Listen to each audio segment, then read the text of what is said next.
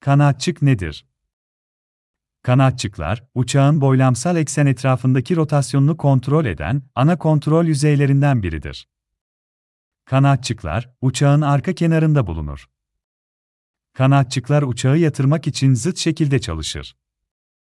Pilot levyeyi sola döndürdüğünde, sol kanatçık yükselir ve sağ kanatçık alçalır.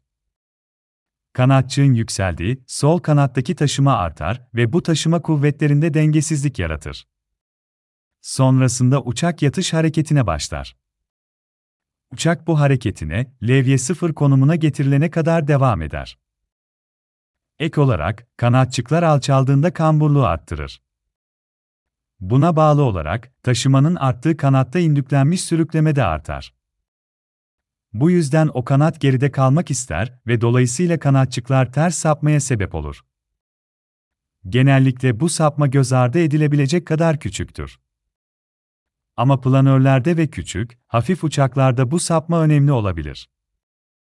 Diferansiyelli kanatçığa sahip olan bazı uçaklarda ve bazı ticari uçaklarda bu sapma ortadan kaybolur.